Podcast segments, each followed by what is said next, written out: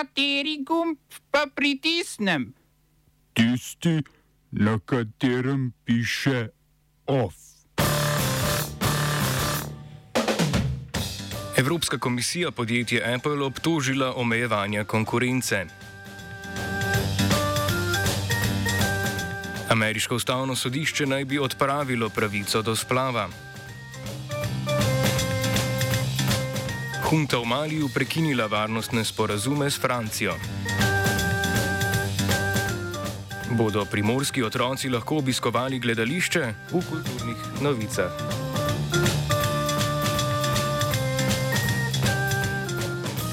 Medtem ko se članice Evropske unije dogovarjajo o embargu na uvoz ruske nafte, ki naj bi mu z morebitnim vetom najbolj nasprotovala Mačarska, je finski energetski konzorcij Fenovojma sporočil, da zaradi vojne v Ukrajini odstopa od gradnje tretje finske nuklearke Hanhikivi.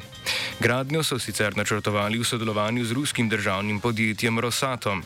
Reaktor ruske izdelave z močjo 1200 MW naj bi stal v bližini mesta Phuhajoki na severu države. Gre za enega največjih projektov v Evropski uniji, v katerega so upletena ruska podjetja.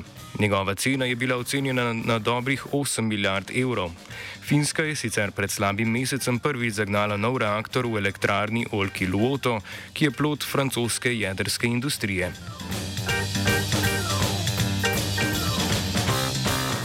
Evropska nogometna zveza UEFA je sporočila, da ruski klubi v naslednji sezoni ne bodo smeli nastopati v Ligi prvakov in ostalih ligah pod njenim okriljem. UEFA je prav tako potrdila, da ruska ženska nogometna reprezentanca ne bo nastopila na Evropskem prvenstvu, ki bo julija letos v Angliji. Z istimi sankcijami je Evropska nogometna zveza kaznovala tudi mlado rusko nogometno reprezentanco. Dosedanje rezultate obeh reprezentanc v trenutnih kvalifikacijah bodo razveljavili. Prepoved nastopanja v Ligi narodov je doletela tudi člansko moško reprezentanco.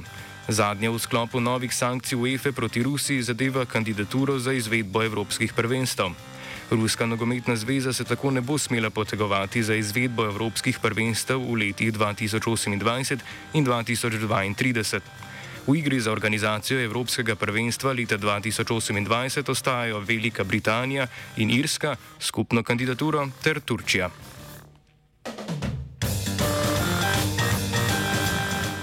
Ameriško vrhovno sodišče naj bi odločilo o razveljavitvi splošne pravice do splava v Združenih državah Amerike.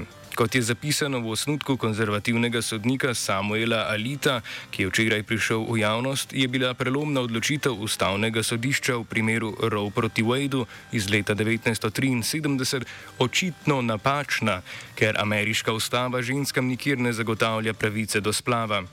Gre sicer za prvi osnutek odločitve večine vrhovnega sodišča, v katerem se z Alitom strinjajo še štirje konzervativni vrhovni sodniki. Za potrditev odločitve je potrebna večina na vrhovnem sodišču, torej se mora z odločitvijo strinjati vsaj pet od devetih članov vrhovnega sodišča. Večino šest proti tri na vrhovnem sodišču so konzervativci dobili za časa predsedovanja Donalda Trumpa, ko je ta imenoval kar tri konzervativne sodnike. Končna odločitev naj bi bila znana junija ali julija.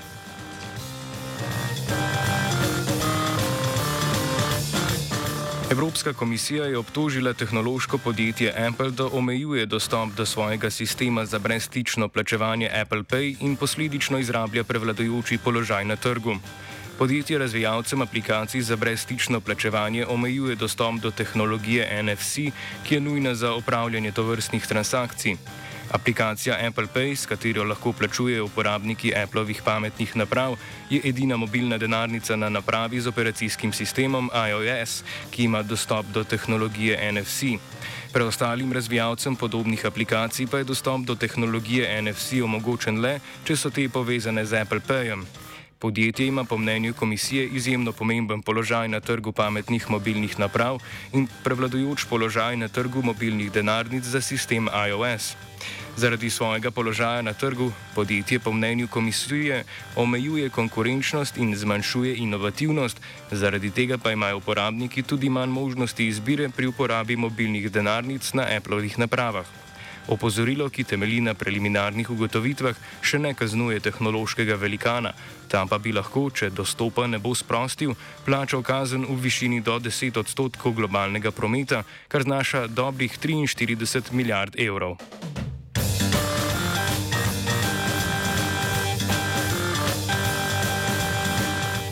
Nevladna organizacija Zdravniki brez meja je včeraj na Sicilijo z ladjo pripeljala okoli tisoč migrantov. Kot so sporočili iz organizacije, se je ladja Geo Berends zasidrala v pristanišču Augusta. Posadka je z begunci na krovu sredi morja več dni čakala na dovoljenje pristaniških oblasti za vstop v pristanišče. Po osmih zahtevah so jim oblasti vendarle dovolile pripluti v pristanišče. Južno od Sicilije na dovoljenje za vstop v pristanišče Augusta čaka še ena ladja. Plovilo The Ocean Viking dobrodelne organizacije SOS Mediterrane je v nedeljo sporočilo, da je za zasidranje v pristanišču zaprosilo že devetkrat. Na ladji je 295 ljudi, nekateri pa so tam že en teden. Zadnje poročilo italijanskega notranjega ministrstva navaja, da je letos v Italijo s čovni prispelo okoli 9900 beguncev.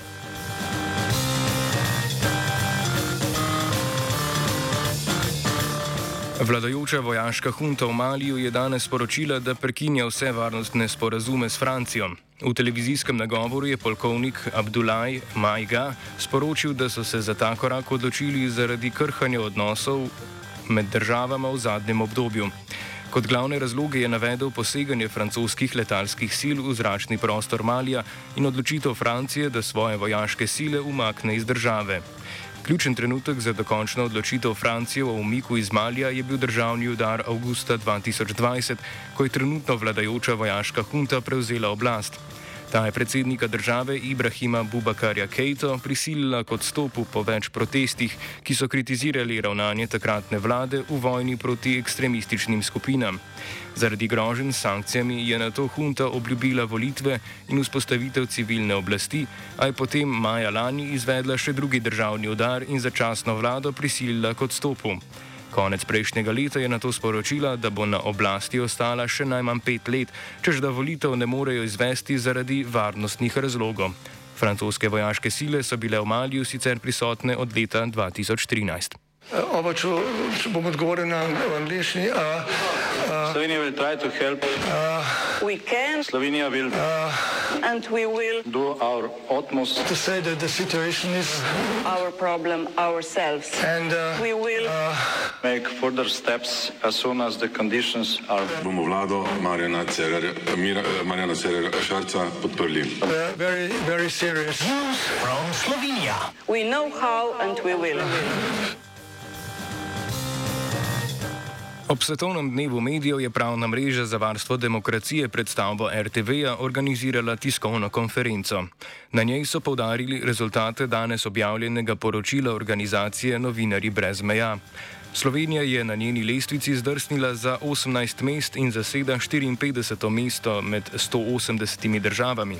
Kot razlago za poslabšanje stanja medijske krajine v Sloveniji so pri organizaciji navedli večmesečno ustavitev financiranja slovenske tiskovne agencije ter imenovanje posameznikov v vodstvo RTV Slovenija in nadzorne organe, ki so bili blizu prejšnji vladi. Poročilo kot problematično označuje tudi pomankanje preglednosti medijskega lasništva in naložbe mađarskih poslovnežev, ki so blizu mađarskemu predsedniku Viktorju Orbanu v slovenske medije. Pravna mreža je prav tako predstavila istočnice predloga novega zakona o RTV-ju, ki ga pripravljajo skupaj strokovnjaki z področja medijev. Spremembe se nanašajo predvsem na del zakona, ki ureja programski in nadzorni svet. Več o konkretnih predlogih pove Anuška Podvršič iz pravne mreže. Menimo, da bi bilo smiselno zmanjšati število članov v programskem svetu, predvsem tukaj govorimo o članih, ki jih imenuje državni zbor in dati večjo moč pri odločanju, kdo bo sedel v svetu uh, zaposlenim in javnosti. Menimo, da je dovolj, da v svetu uh, sta samo dva člana, ki jih imenujejo politične stranke, ki so trenutno v državnem zboru, se pravi, enega bi imenovali politične stranke, ki so v vladi, enega pa politične stranke ki so v opoziciji. Več o usmeritvah predloga novega zakona o RTV, ki ga pripravlja pravna mreža za varstvo demokracije, lahko slišite v offsajdu ob petih. OF je pripravil Premrov.